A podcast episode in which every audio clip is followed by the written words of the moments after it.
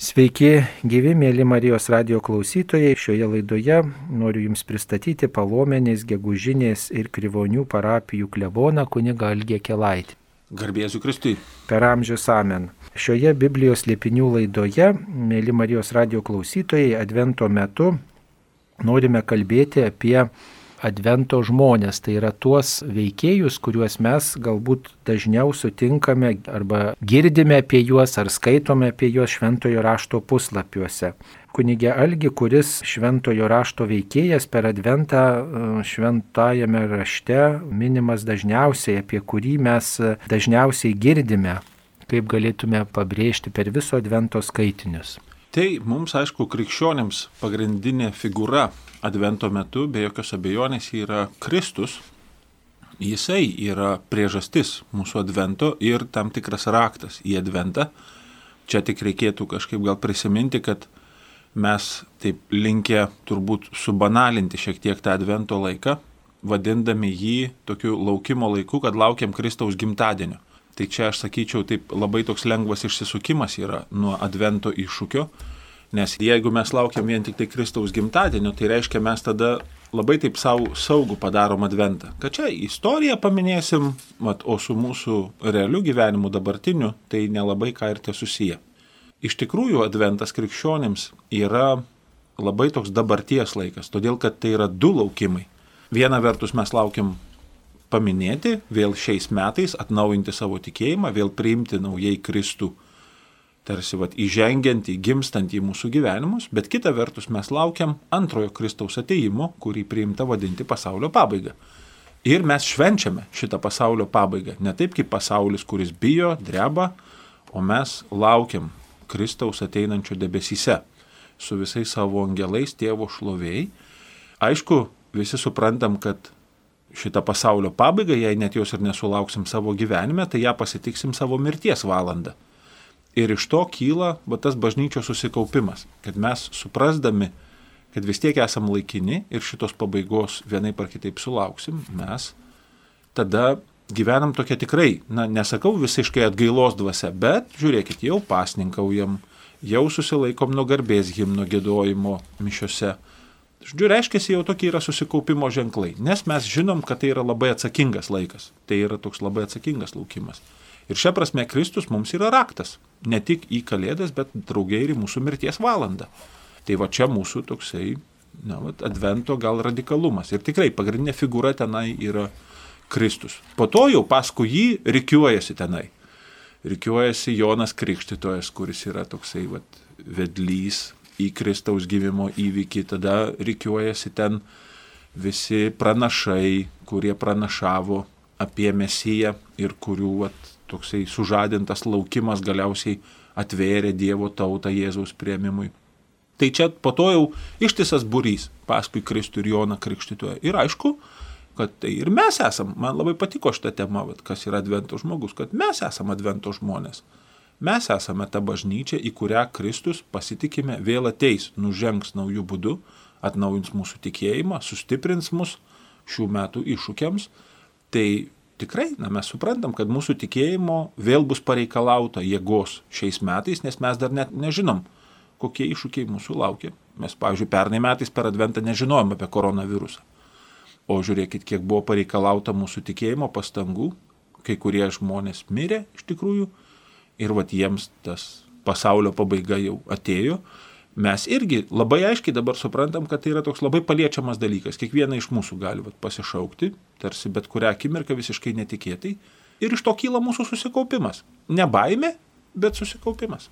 Taip, visi mes esam advento žmonės, nes e, laukiam ir laikų pabaigos, ir laukiam Kristaus gimimo iškilmės minėjimo. Tačiau dalyvaudami liturgijoje, dalyvaudami šventose mišiuose, per visą adventą labai dažnai girdime skaitant Izaijo knygą arba ją skaitome namuose. Ir Izaijo knygoje yra daugybė tokių pranašyščių apie būsimą mesiją, kuris ateis ir ta karalystė tokia išsipildys apie kurią galėjo žmonės tik pasvajoti. Ir turbūt Izaijas viena tokia e, ryškiausių figūrų iš visų pranašų, kuris kalbėjo apie Mesiją, ateinantį Mesiją. Ką galėtume klausytojams pasakyti apie pranašą Izaiją? Na, iš tikrųjų, jeigu taip kalbėtumėm apie patį žmogų, na, prie kurio labai sunku prisiliesti, taip, nes jisai labai jau seniai gyveno, labai, na, pasislėpė istorijos ten dulkėse tos tikros asmenybės, vis dėlto, ką apie jį tikrai galim pasakyti, kad matyt buvo žmogus, kuris priemė Dievo prieiškimą labai tokiu stipriu ir labai kažkokiu aktualiu būdu, todėl kad jo žodis liko atminti žmonių. Man atrodo, čia labai pirmiausia svarbu pasakyti, kad, na, aišku, juk jis tenai nepapirkinėjo tų žmonių, kad jie prisimintų jo žodžius, jis ne, negazdino jų, kad čia jeigu neprisiminsi, tai nueisit į pragarą. Žmonės labai spontaniškai, iš tikrųjų visame tame, ką girdėjo, atsirinko Izaijo žodžius ir juos išsaugojo atminti. Ir kitas dalykas, kurį mes tikrai galim pasakyti apie Izaiją, kad jo žinia buvo tiek paveiki, kad jisai sužadino ištisą būrį mokinių. Vat čia gal kažkam tai bus naujiena iš klausytojų, kad pavyzdžiui ta knyga Izaijo, vat, kurią mes tarsi skaitome šventajam rašte, 66 skyriai tos knygos, iš tikrųjų ta knyga, na čia jau Biblijos tyrinėtojų toksai gal rezultatas veiklos, Mes manome, kad jinai užrašyta yra per kokius 300 metų turbūt. Tai joks žmogus šitiek laiko nėra gyvenęs ir beveik akivaizdu, kad tai, kas dabar slepiasi po tą Izaijo knygą, iš tikrųjų yra galbūt ir paties Izaijo pranašo ištaros, bet po to kelios kartos jo mokinių. Kelios kartos mokinių. Tai įsivaizduokit, kokia tai yra stipri mokykla, jeigu nesugeba, bet keletą kartų išmokinti, vat, nežinau, galim, pavyzdžiui, vat, pagalvoti, ne, vat, sovietinis režimas išsilaikė Tarybų sąjungoje dvi kartas ir viskas, sugriuvo, neatsilaikė. Dabar vat, baigėsi Lietuvoje pirmą kartą nepriklausomybės, vat, jau 30 metų, tai reiškia, vyksta kartų kaita. Ir mes matom, kokios tai kyla krizės, perduoti vertybės, perduoti net ir tikėjimą, kaip mums tai nelengvai sekasi. O čia įsivaizduokit kelios kartos mokinių, vat toj pranašo mokykloje, kurie tarsi vat vis grįždami prie to pranašo tų pirmųjų ištarų, vėl ieškodavo atsakymų į kylančias krizės. Ir ten Izraelija tuo metu, vat, ko gero tas tikrasis Izaijas, jisai kalbėjo prieš pat tremtį. Tai reiškia, ojei, čia kokie, na, 600 metų prieš Kristų. Jisai kalba dar gerokai tenai prieš visus tremties įvykius.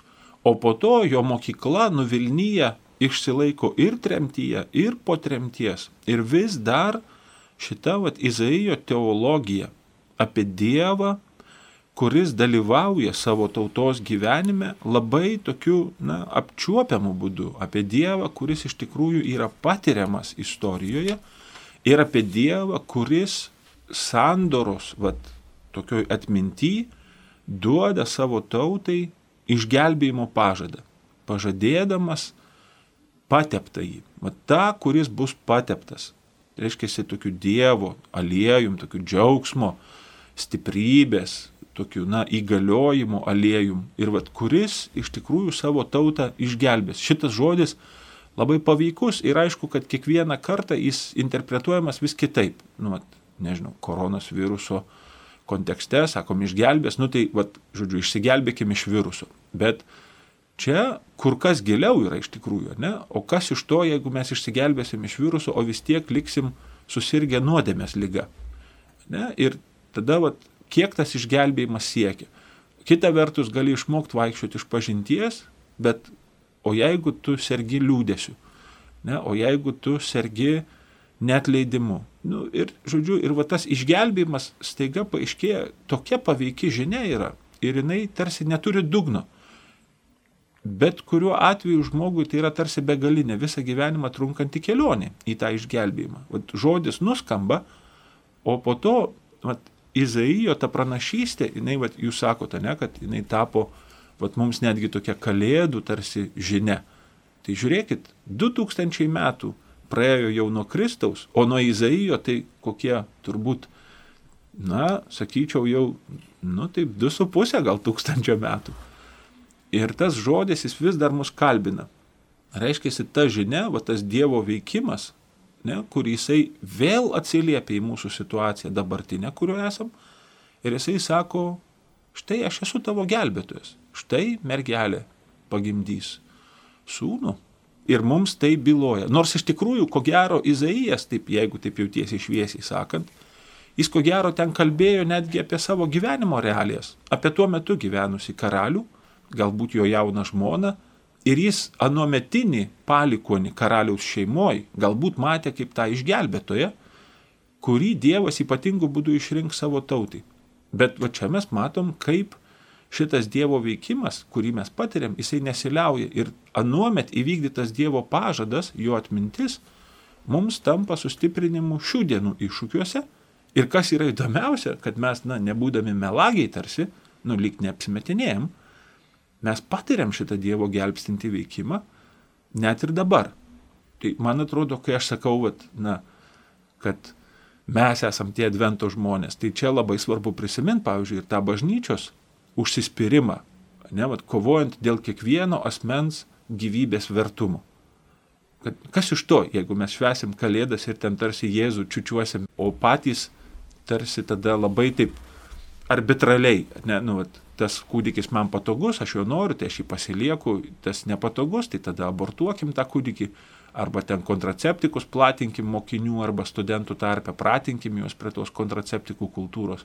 Čia viskas yra tiek susiję, kad iš tikrųjų, na, kiekvienas vaikas yra išgelbėtojas. Ir šią prasme, na, mes tikrai, mes nežinom, kuris iš tų vaikų bus genijus, kuris, sakykime, išras vakciną kokiam nors virusui, kurio mes dar net nežinom, kuris kils ten po 50 metų. Aišku, mes draugė nežinom, kuris iš tų kūdikių bus baisuoklis, nu, nužudysiantis ten, nežinau, šimtus tūkstančių arba milijonų žmonių. Mes nežinom šito dalyko ir šia prasme, vat, tos kalėdos mums yra tokio na, nustebimo vieta. Mes suprantam laisvę žmogaus ir draugė suprantam, kiek Dievas į šitą laisvę žmogaus pagarbiai reaguoja. Nu, įsivaizduokit, netgi leisdamas mums nusidėti. Tai čia, man atrodo, ir vat, visas tas grožis vat, šito laiko advento, kad tai yra ir toks tikrai iššūkio laikas, mūsų atsakomybės laikas. O drauge ir matymas tarsi vat, didžiulės istorijos mums už nugaros. Kiek vat, tą nusidedantį žmogų Dievas vis tik tai vėl iš naujo turėdavo jėgos vėl apkabinti, vėl uh, dovanoti, vėl gydyti, vėl sugražinti į tiesą. Ir tai mus moko, drauge, va tos pagarbos vienas kitam, nes mes vienas kitą suprantame kaip Dievo apsireiškimo vietą. Dar norėčiau staptelti ties tą ištrauką, kurią jūs pacitavote iš Izaijo knygos 7 skyriaus 14-15 eilutėmis. Todėl pats viešpats duos jums ženklą, štai ta mergelė laukėsi, ji pagimdys sūnų ir pavadins jį Emanuelio vardu. Varškiai ir medumi jis maitinsis, kai norės atmesti kas piktą ir rinktis kas gerą.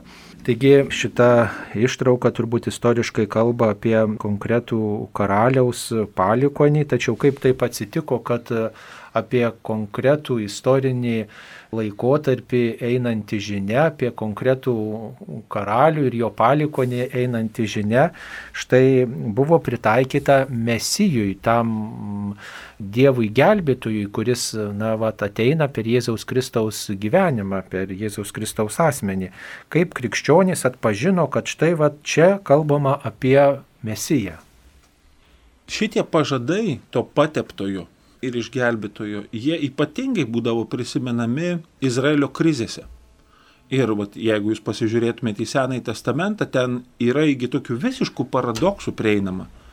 Pavyzdžiui, kai Izraelis buvo tremty ir atstaiga Izraelio atsivėrė langas vat, iš tos tremties, kai Babilonija nugalėjo Persų imperiją ir Persija labai taip geopolitiškai iš tikrųjų ėmėsi visai kitokios politikos tremtinių atžvilgių leisti tremtiniams grįžti į savo šalį, statyti šventyklą, iš tikrųjų praktikuoti savo tikėjimą, turėti netgi tam tikrą tokią na, autonomiją. Šitą įvykį Izraelis perskaitė kaip Dievo įsiveržimą į istoriją. Ir mes niekuomet nežinosim iš tikrųjų, na taip, istoriškai vertindami, ar ten tikrai Dievas veikia, ar čia viso labo Izraelio įsivaizdavimas. tikėjimo žvilgsnių žiūrint, mes matom ir atpažįstam tokį Dievo veikimą. Nu, pavyzdžiui, Lietuvos nepriklausomybės kovų laiku, at kurį, sakykime, ir aš, ir tu, Sauliau, mes abu buvom jauna, tokie jau patsaniokai.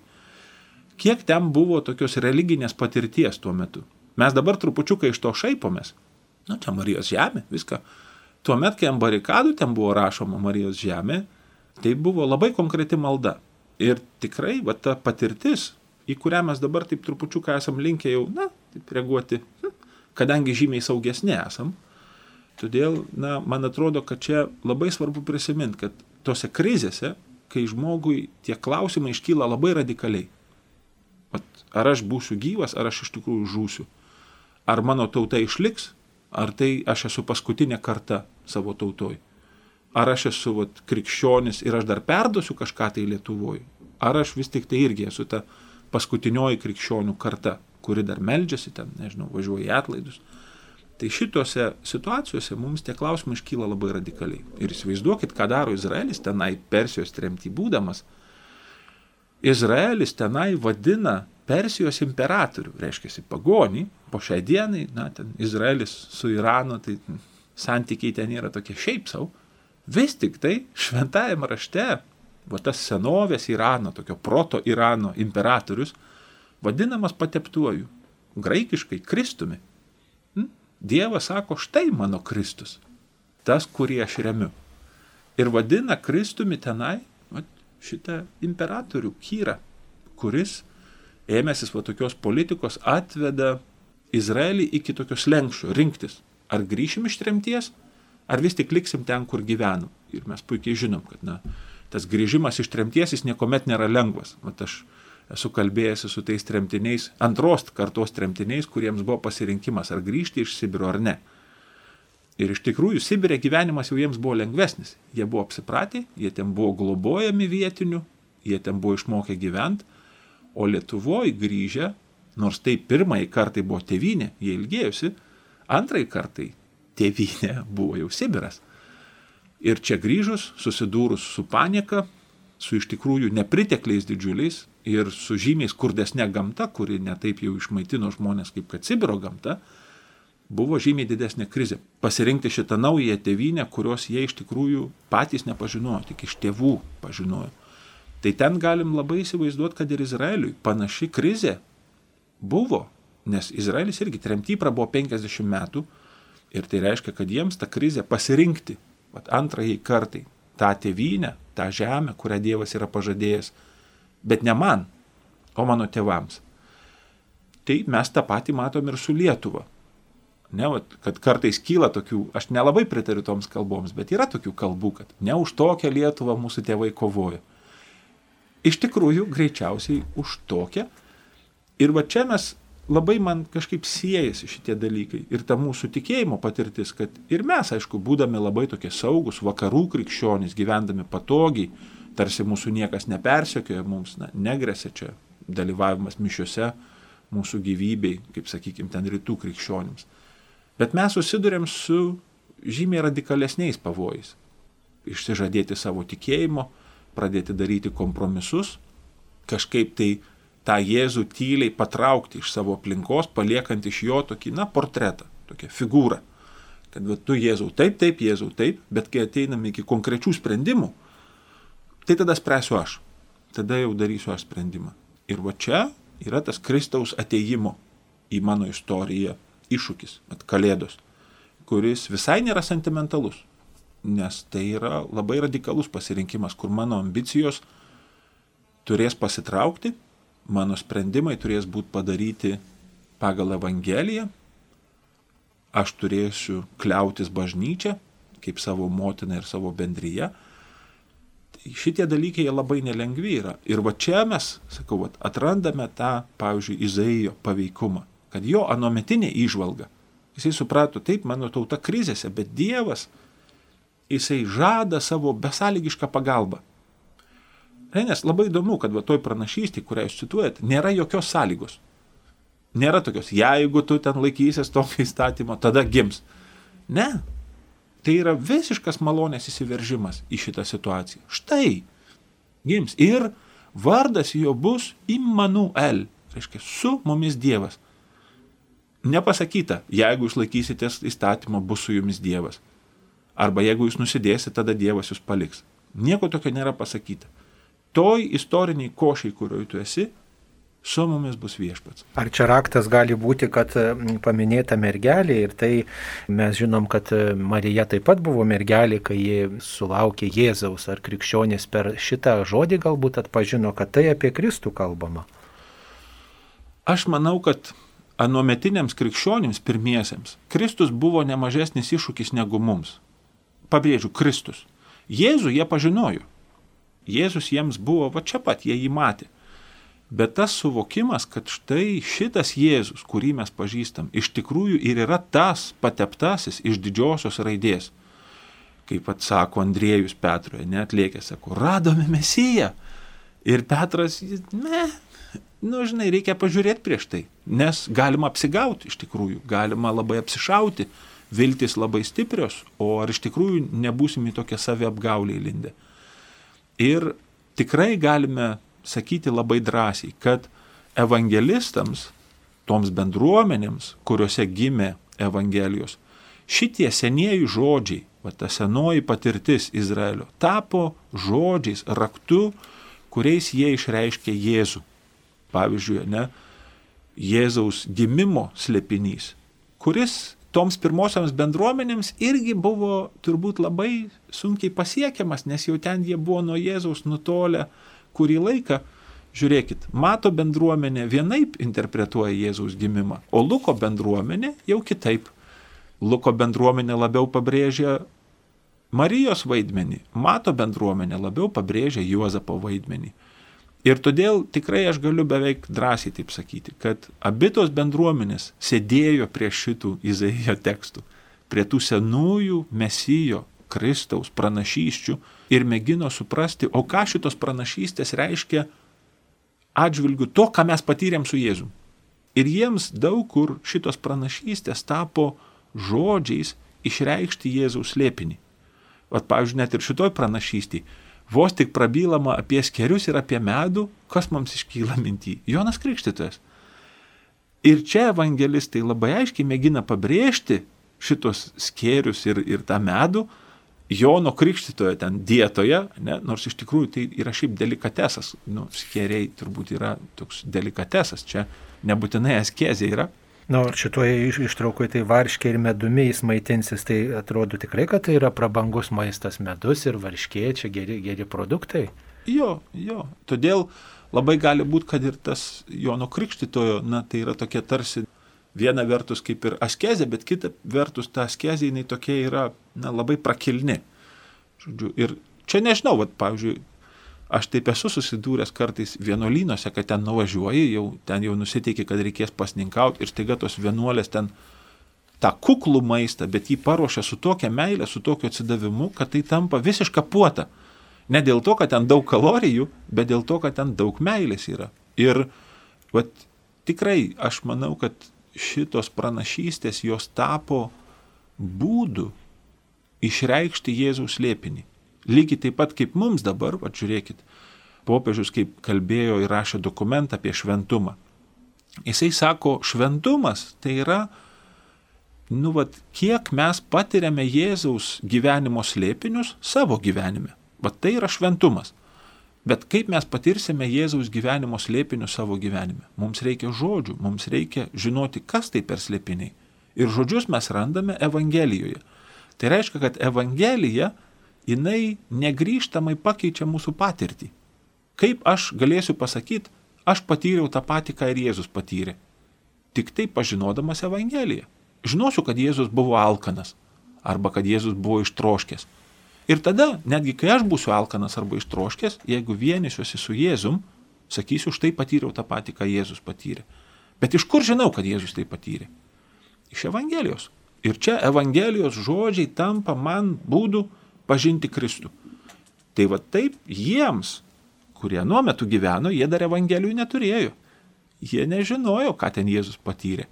Jie turėjo patirtį, bet jau ta patirtis buvo turbūt netgi praeitos kartos patirtis. jie žinojo panašiai tą patį, nu, vat, ką mes galėtumėm, sakykime, o ką mes žinom apie tarpukario Lietuvą, ką žmonės pasirinko mums papasakoti.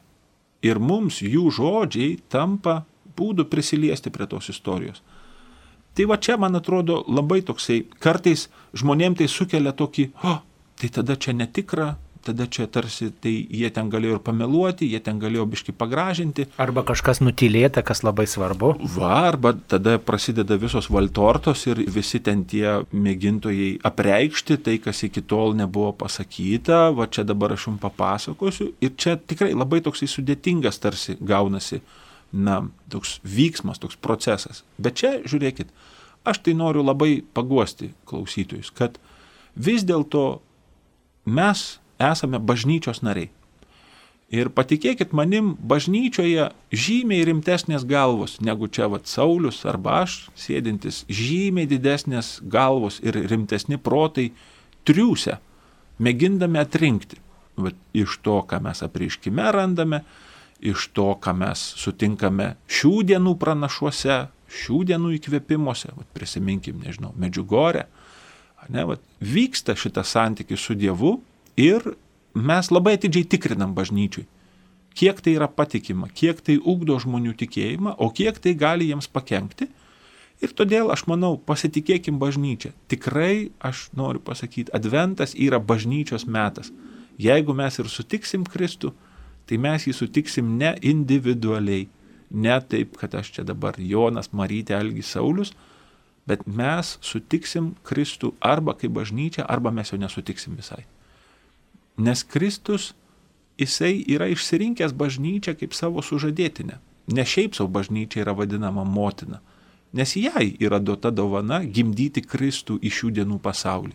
Per mus, per krikščionis Kristus yra šių dienų pasaulyje, bet jisai yra pasakęs, kur du ar trys susirenka mano vardu. Reiškia, be bendrystės, be šitos vat, komunijos, na, mes turbūt, kad tik galėtumėm sakyti, vat, įsivaizduojamų būdų, kad taip, dabar toks momentas yra ir dabar ir aš priemu Kristų. Bet čia aš tikrai noriu pabrėžti net ir kaip kunigas, kad sakramentai šitose šventėse yra ypatingai svarbu. Be to, tai čia lieka toksai, na, tikrai gimtadienis, na, vat, šveskim gimtadienį.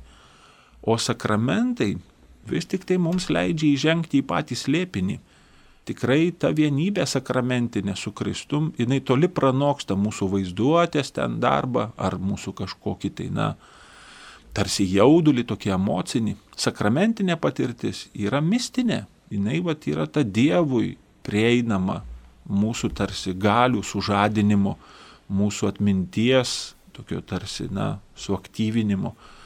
Tokia va dovana, kurią bažnyčia labai labai saugo. Ir čia dėl to aš tikrai labai norėčiau paraginti net ir klausytojus, Vat, jeigu jau ten neturite kliūčių išpažinčiai arba komunijai, tai iš tikrųjų daryti sprendimą. Netidėkit šitų dalykų paskutiniam dienom, nes kunigai bus pikti ir pavargę, tai gali būti, kad gausit biški disciplinos, jeigu jau ten bernelių mišių pusvalandį paskutinį bandysit ieškoti išpažinties, dabar geras laikas yra tiems dalykams. Tikrai aš labai kvieščiau pasiruošti išpažinčiai, ją atlikti ir švesti šitas šventes, pirmiausia, sakramentiškai. Nes tai tikrai, vat, kas susijęs su mūsų patirtim kalėdų, ne tik istorija, ne tik čia mūsų intelektų tokių pastangom, bet su patirtim kalėdų. Tai sakramentai čia esminis mūsų katalikiškas veiksmas yra.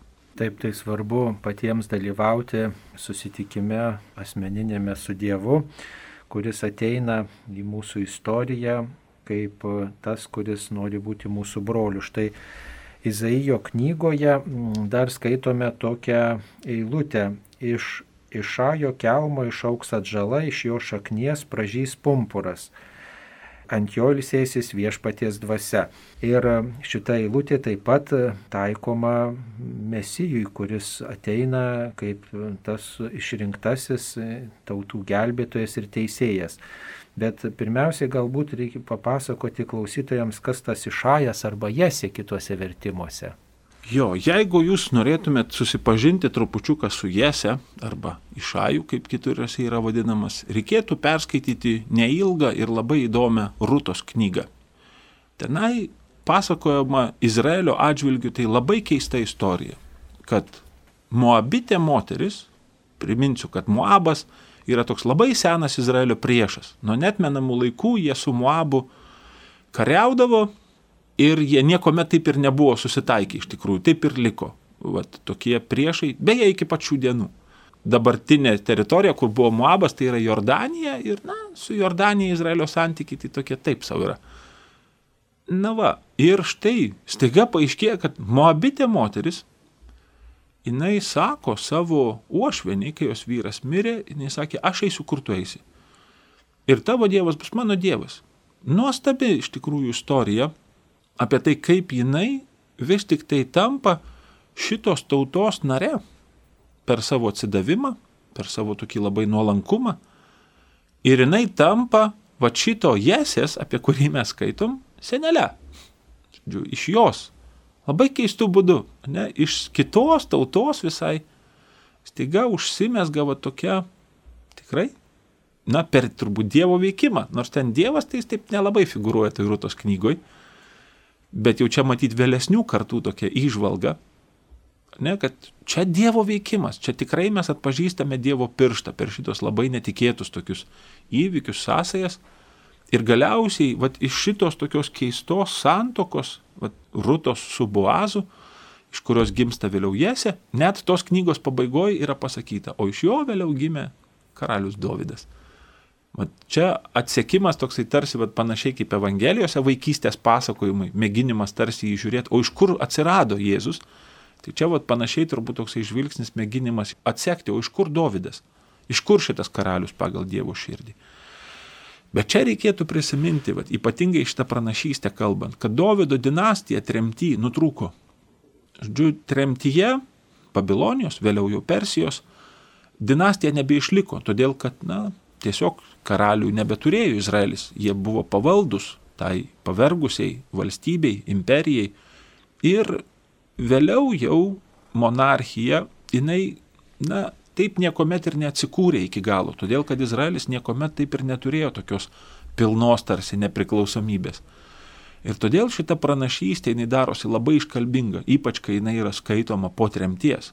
Nesakoma, Jesė yra kelmas, nu kas yra kelmas, tai yra nu, medis, kuris nupjautas. Bet šitas kelmas, jisai reiškia, jisai turi tokias gilias šaknis, kurios dar turi savyje gyvybės. Ir va štai šito kelmo išauks naujas uglys. Reiškia, yra dar gyvybė šito pažado vad žodžiuose. Reiškia, tas pažadas jisai gali duoti dar savo vaisius, nors jau tarsi toks tiesioginis įvykdymas to pažado jau tarsi ir nukirstas, tarsi to medžio genealoginio, vad galim sakyti, medžio, kaip ir nėra. Ir va todėl, pavyzdžiui, evangelistams taip yra svarbu parodyti, kad Jėzus yra iš Davido giminės.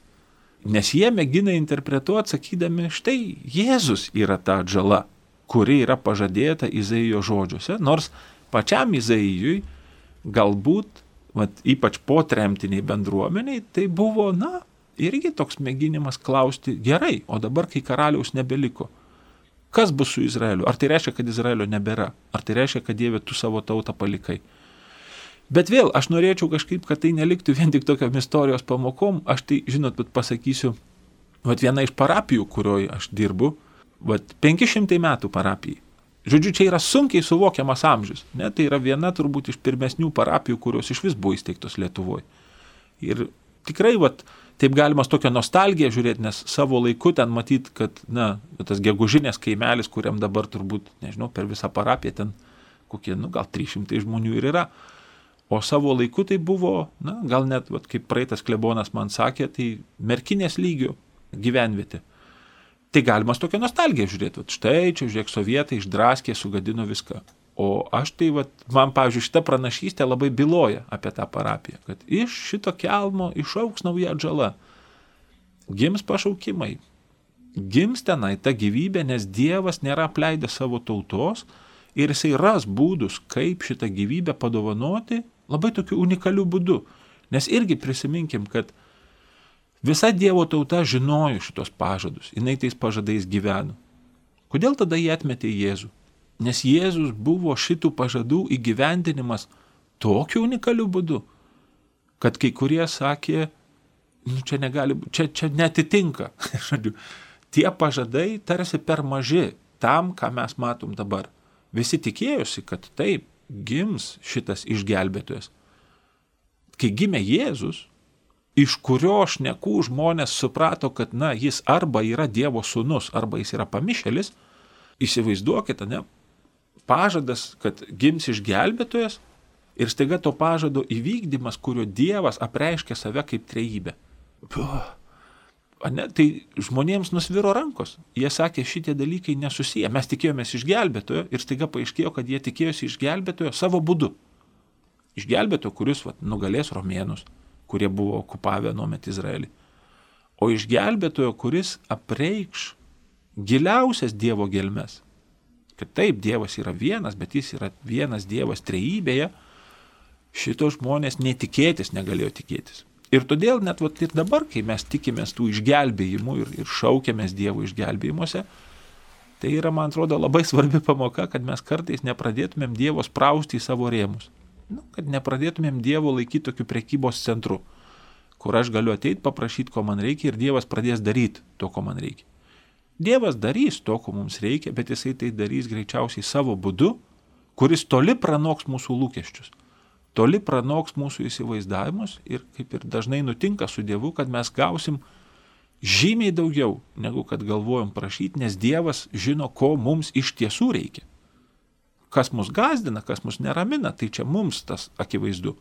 Bet ko mums iš tiesų reikia, mes net nežinom, todėl kad esam pažeisti nuodėmės. Nu, arba nesaugiai jaučiamės, bijom netgi prašyti, ko gal net nutokiam, kad mums kaip ir reikėtų, bet bijom to prašyti. Tai va čia Kalėdos tai toks yra laikas nesentimentalus, nes tas dievų įsiveržimas į mūsų istoriją, jis yra dieviškas.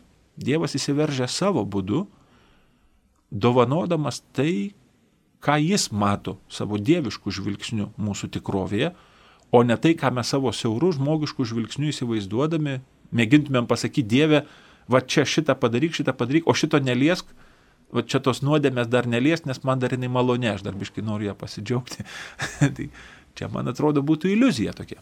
Dar vienas advento žmogus tai Jonas Krikštytojas, kuris tikriausiai taip pat turėjo savo įsivaizdavimą, kaip mesijas turi ateiti, nes jis pasakė tokius žodžius, skaitome Evangelijoje, ar tu esi tas, kuris turi ateiti ir mums laukti kito, tiesiog siuntė mokinius. Tai vieni sako, kad siuntė dėl savo mokinių, kad jie tiesiog akivaizdžiai įsitikintų o kiti sako, kad galbūt jis pats abejojo, ar čia tikrai tas, kuris turi ateiti ir kuriam aš nevertas atrišti kurpių dirželių. Tas šauklys Jonas Krikštytojas, apie kurį advento metu taip pat daug girdime kaip jo ta vizija arba tas prieimimas mesijo, ar tikrai jisai suprato, kad Jėzus tai yra tas mesijas, kuris turi ateiti. Ačiū labai už šitą ištrauką Evangelijos. Aš manau, kad jinai irgi mums yra labai labai svarbi advento metu, Todėl, kad ką žymi va šitas įvykis? Tai žymi tam tikrą Jono Krikštytojo nusivylimą. Jo visas gyvenimas buvo pažymėtas nuo pat gimimo, jo visas gyvenimas buvo tarsi paskirtas mat, atpažinti šitą išgelbėtoją ir jį paskelbti tautai. O čia jau gyvenimo pabaigoje staiga paaiškėja, kad Jonas Krikštytojas anaip tol nėra toksai užtikrintas, kad jis parodė teisingai, kad jisai nukreipė tautą tokiu tinkamu keliu, Ir jisai čia tokioj abejoniai kreipiasi į Jėzų, sakydamas, na, va, išspręsk šitą mano abejonę. Gal netgi taip, na, tarsi pasakyk tiesą, kad aš žinočiau, ar mano nusivylimas teisingas, ar iš tikrųjų gal tu čia pagoda, kokią man turi. Tai šią prasme aš vėl kažkaip taip sėdama su mūsų šiom dienom, aš manau, kad ir mūsų istorijoje su Dievu mes būtume melagiai, jeigu mes sakytumėm, kad, nu, čia viskas mums gerai, Dievas visuomet man atsiliepia, Dievas visuomet šneka tai, ką aš noriu girdėti. Čia turbūt toksai santykis su Dievu tai įmanomas tik tuomet, kai Dievo nesiklausom iš viso arba su juo nebendraujam ir nesimeldžiam. Ir todėl man atrodo, kad tai labai artima kiekvienam iš mūsų. Gal mes nusivylėm bažnyčią, gal mes nusivylėm kokiu dvasininku, gal, nežinau, pavyzdžiui, aš kaip kunigas, gal mes nepatenkinti žmonėmis esam arba ten, nežinau, situacija, kuri dėliojasi dabar mūsų kasdienybei. Ir va čia prasme Jonas Krikštytojas yra labai svarbus kaip tam tikras vedlys. Ką daryti tokiu metu? Ką daryti tokiu metu? Tai va čia labai įdomus Jono Krikštytojo veikimas. Jisai užuot ten pradėjęs už akių užnekėti arba išsižadėjęs savo misijos, pasakęs suklydau ar dar kažką, jis klausia. Jisai eina klausti. Ir eina klausti pas tą, kuriuo suabejoju. Labai labai svarbu. Ir čia, vat, pavyzdžiui, žmonės, kurie, sakykime, aš jaunimo tarp ypatingai dažnai girdžiu šitą klausimą, kad, na, vat, suabejoju Dievu, suabejoju Dievo buvimu, ką daryti? Tai čia Jonas Krikštytojas labai rimtas vedlys. Jeigu suabejoji Dievu, ko reikia klausti apie šitą dalyką? Jonas Krikštytojas mokina, klausk Dievo, nes tu juos suabejojai. Klausti žmonių, suabejojus Dievu, tai čia ne tas adresatas. Jeigu žmonėms suabejoji, klausk žmogaus, kreipkis į žmogų. Jeigu suabejoji bažnyčią, klausk bažnyčios. Man atrodo, tai labai svarbus yra pavyzdys Jono Krikštytojo, kad jis turi savy va, tokį raumenį, tokios drąsos, užklausti to, kuriuo suabejoju. Nepradėti plėtkavot, nenusivylus ten rašyti piktus komentarus Facebook'e, žinai, kad aš čia tikėjausi visai kitko iš tavęs, bet jisai siunčia, pats jau negali nueiti, jisai siunčia savo mokinius, kad mokiniai, va, jam tarsi, na, va, patarnautų.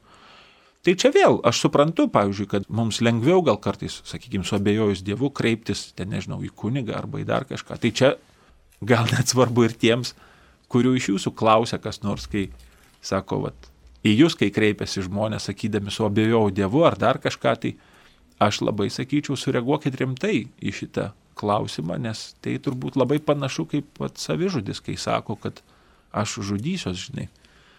Tai čia irgi, man atrodo, labai svarbu suprasti, kad čia ar tik nebūsiu kaip tas Jono mokinys pasiustas pas Jėzų, perduoti šitą klausimą ir kad, vat, reiškia, ir čia mes sureaguotumėm, nemėgintumėm ten savo intelektu kažkaip tai atsakyti, išspręsti, paguost, bet vis tik tai suprastumėm, kad dabar čia aš siunčiamas esu pas Dievą. Tas žmogus pats jau nelabai gali pas Dievą nueiti, nes suabejoju, o va aš esu kaip tas Jono Krikštitojo mokinys, nusiustas į Dievo akivaizdą, klausti šito žmogaus klausimą perduoti ir tada tai, ką išgirsiu tenai, vis tik tai tam žmogui pasakyti, nes tai, ką Dievas jam atsakys, tai aš gal savo intelektu ar savo žiniomis net neišspręščiau. Ar savo ten žiniomis kokiomis nors katalikiškomis. Tai čia labai, man atrodo, toks irgi gražus adventinis, na, toks žodis, nes tikrai tų žmonių, kurie vat, gyvena mūsų tarpe, netgi lanko bažnyčią ir vis dėlto išgyvena didžiulės sausras su Dievu, mat nejaučia Dievo, vat kunigų, kiek yra tokių, kurie jau seniai nieko nebepatiria iš tikrųjų per mišes arba nustoja melstis, nustoja patys ten vaikščioti iš pažinties. Ir tai va tas adventas, ne, vat vėl tas Kristaus artinimasis prie žmogaus, visiško žmogaus laisvėje, visiškai to žmogaus laisvės nelaužant, bet vėl kažkaip šnekinimas tam atsiverimui. Ne, nes Dievas gali stovėti ir kaktomuša su mumis, vat, visiškai čia pat, Bet mes turim tą galę apsispręsti. Matyti arba nematyti. Nu, tarsi stovėti toje akivaizdoj arba ne. Ir čia mūsų užtarimo tas metas, kad tikrai čia ne tik mano šeimai, čia ne tik tai man šitas laikas skirtas. Bet Dieve, o kaip yra su tais, kurie krizėse, kurie nuo žmonių atsiskyrė, nuo Dievo atsiskyrė. O kaip su tais yra? Ir todėl čia bažnyčiai labai dažnai šitas laikas tampa tokiu karitatyviniu metu aplankyti kalėjimuose, aplankyti nuogus, aplankyti vargstančius alkanus.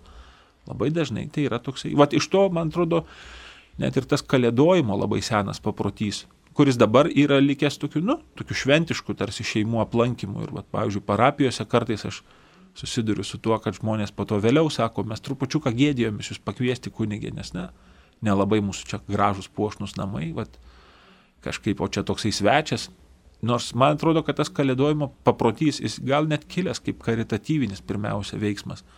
Reiškia, aplankyti tuos. Vat, pavyzdžiui, aš net atsiverčiau per tokį kalėdojimą irgi visiškai tokioje mažoje parapijoje, kai kunigas, nu, lankydavo vargstančius iš tikrųjų tenai. Ir va ta tokia biški skurdo patirtis, nu, pamatymas man labai iš tikrųjų tuo metu buvo nu, tikrai, va tokios, sakyčiau, tikros kalėdos. Pamatyti, kaip per tą kunigą Dievas va aplanko tuos namus. Tai čia tas Jono Krikštitojo linkėjimo ištesėjimas, taisykite viešpačių kelią. Štai jeigu mes kažką gerą padarom, kitą aplankom, paskambinam, skiriam dėmesį, turbūt tokiu būdu ruošiam kelią šiais laikais viešpačiui mūsų sutikti arba mes tada leidžiamės jo sutinkami. Amen. Čia tikrai labai tiksliai pasakyta yra, kad Na, va, čia prasme sakau, čia dar vienas iš tokių tarsi, va, kaip mes esam tie advento žmonės, kad mes esam tie, kurie laukia, bet drauge nepamirškim, kad mes esam kelias tiems, kurie yra laukiantys, kad mes esame bažnyčia ir Kristus per mus ir mumise iš tikrųjų ateina pas žmonės, juos aplanko. Tai čia aš tikrai geriau negu tu Sauliau nepasakysiu, kad tikrai tas taisyti kelią, tai reiškia taisyti ir save, kad aš nebūčiau kliūtis Dievui ateiti. Dar keli tokie advento žmonės, apie kuriuos mes girdime, ypač paskutinėmis advento dienomis, tai yra Zacharijas ir taip pat Elsbieta, ko galėtų mus pamokyti šios dvi asmenybės, kurios taip pat uh, laukė mesijo, bet kažkodėl, na, vat, gimė tas Jonas Krikštytojas jiems ir jie taip pat, nu, turėjo tą tikėjimo iššūkį. Kodėl jie minimi apskritai mesijo ateimo istorijoje? Evangelistas Lukas rašo apie Zacharyją ir Elsbietą ir todėl labai svarbu prisiminti, kaip jis juos pristato. Jeigu man atmintis nesušlubos, tai aš iš atminties pamėginsiu pacituoti. Jisai sako, jie buvo jau įėję į dienas, reiškia, jau buvo pagyvenę, jie gyveno teisiai, neperžengdami nei vieno Dievo įstatymo per visą savo gyvenimą. O tai yra jų pristatymas. Ir po to paskutinis sakinys ir nebuvo jiems vaikelio. Jie neturėjo vaikų. Ir čia iš tikrųjų mums gal tai dabar yra taip sunku suprasti, na, perskaityti šitą kalbą, nes mes nebesam tos kultūros, nebesam tos visuomenės žmonės. Bet iš tikrųjų, anoj kultūroje labai dažnai lygos arba na, kažkokios netektys, vat, prisiminkim Jobo knygą, būdavo interpretuojamos kaip nuodėmės tikrovės pasiekmė.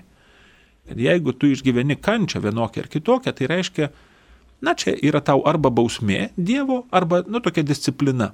Tai kas vadinama tokia retributyvinė teologija, reiškia atlygio teologija, kuri beje pasirodo ir katekizme įrašyta.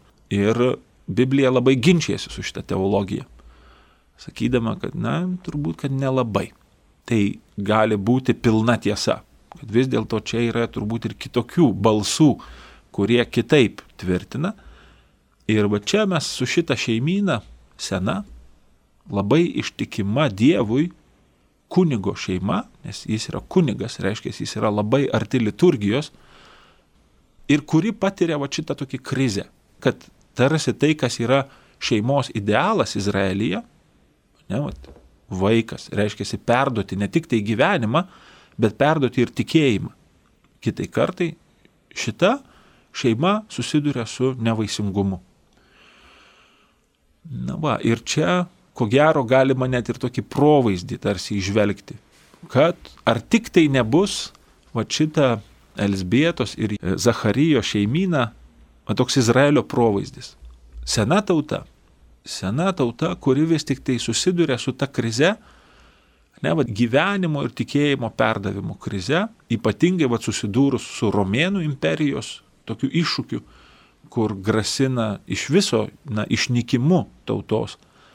Toks tarsi perkelimas simbolių į tą tautą irgi turbūt yra visiškai įmanomas. Aš manau, kad tai ir mums galėtų tapti tokiu labai provaizdžiu bažnyčios, senos, labai ištikimos Dievui, nugyvenusios jau daugybę kartų ir susidarančios su nevaisingumo krize. Ypatingai Europoje, kai pat popiežius čia palygino Europą su tokia sena, labai išmintinga, bet vaisingumą jau praradusią moterim.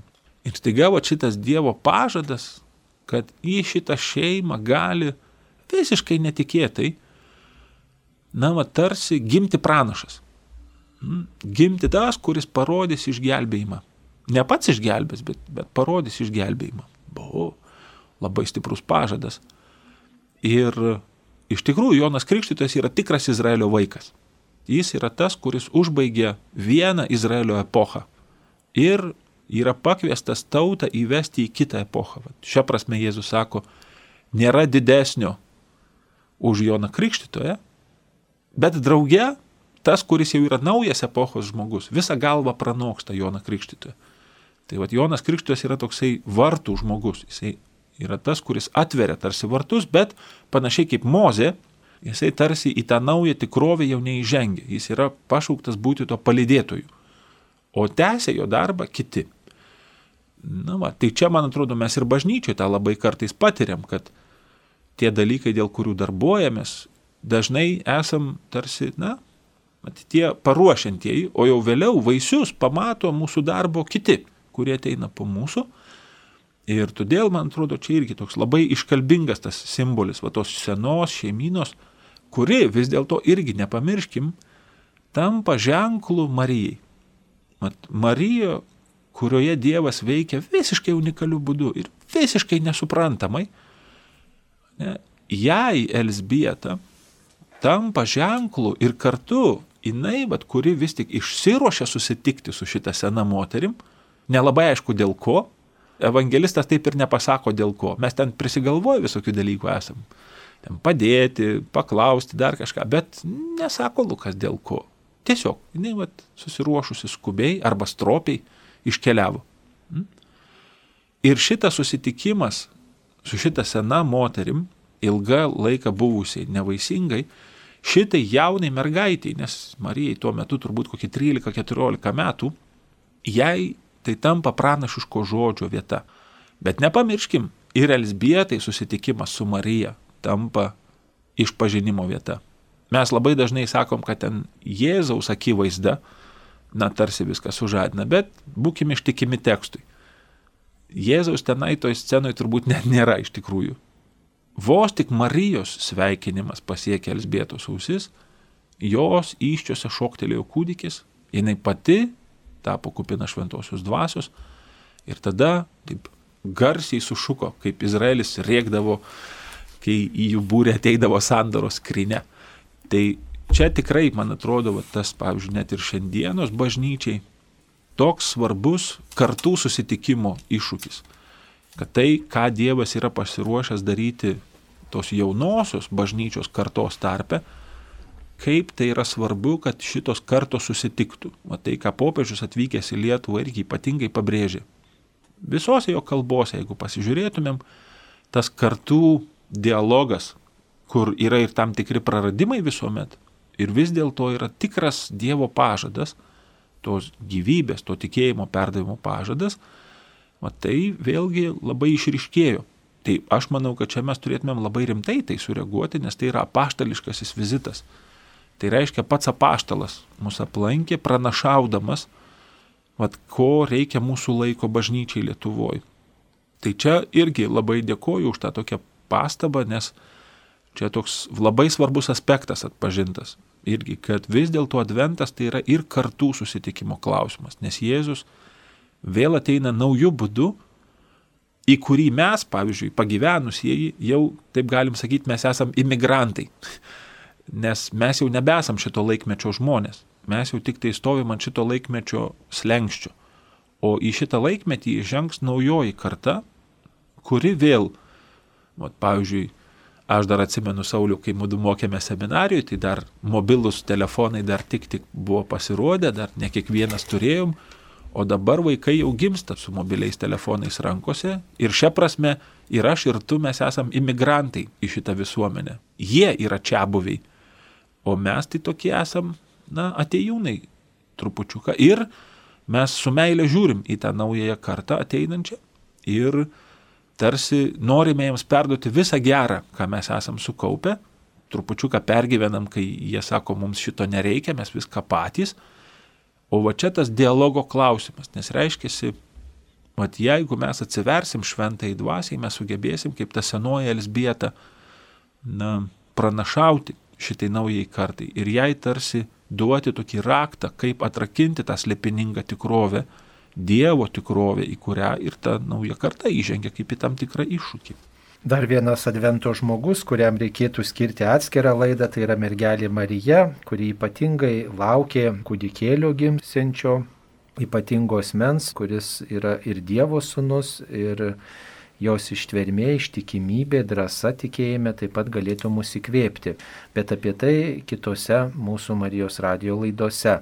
Mėly Marijos radio klausytojai, šioje laidoje dalyvavo ir apie Advento žmonės kalbėjo Palomenės, Gegužinės ir Krivonių parapijų klebonas kunigas Algis Akelaitis, įkalbino aš kunigas Saulis Bužauskas. Visiems ilgesingo Advento laiko. Ačiū sudė. Su Dievu.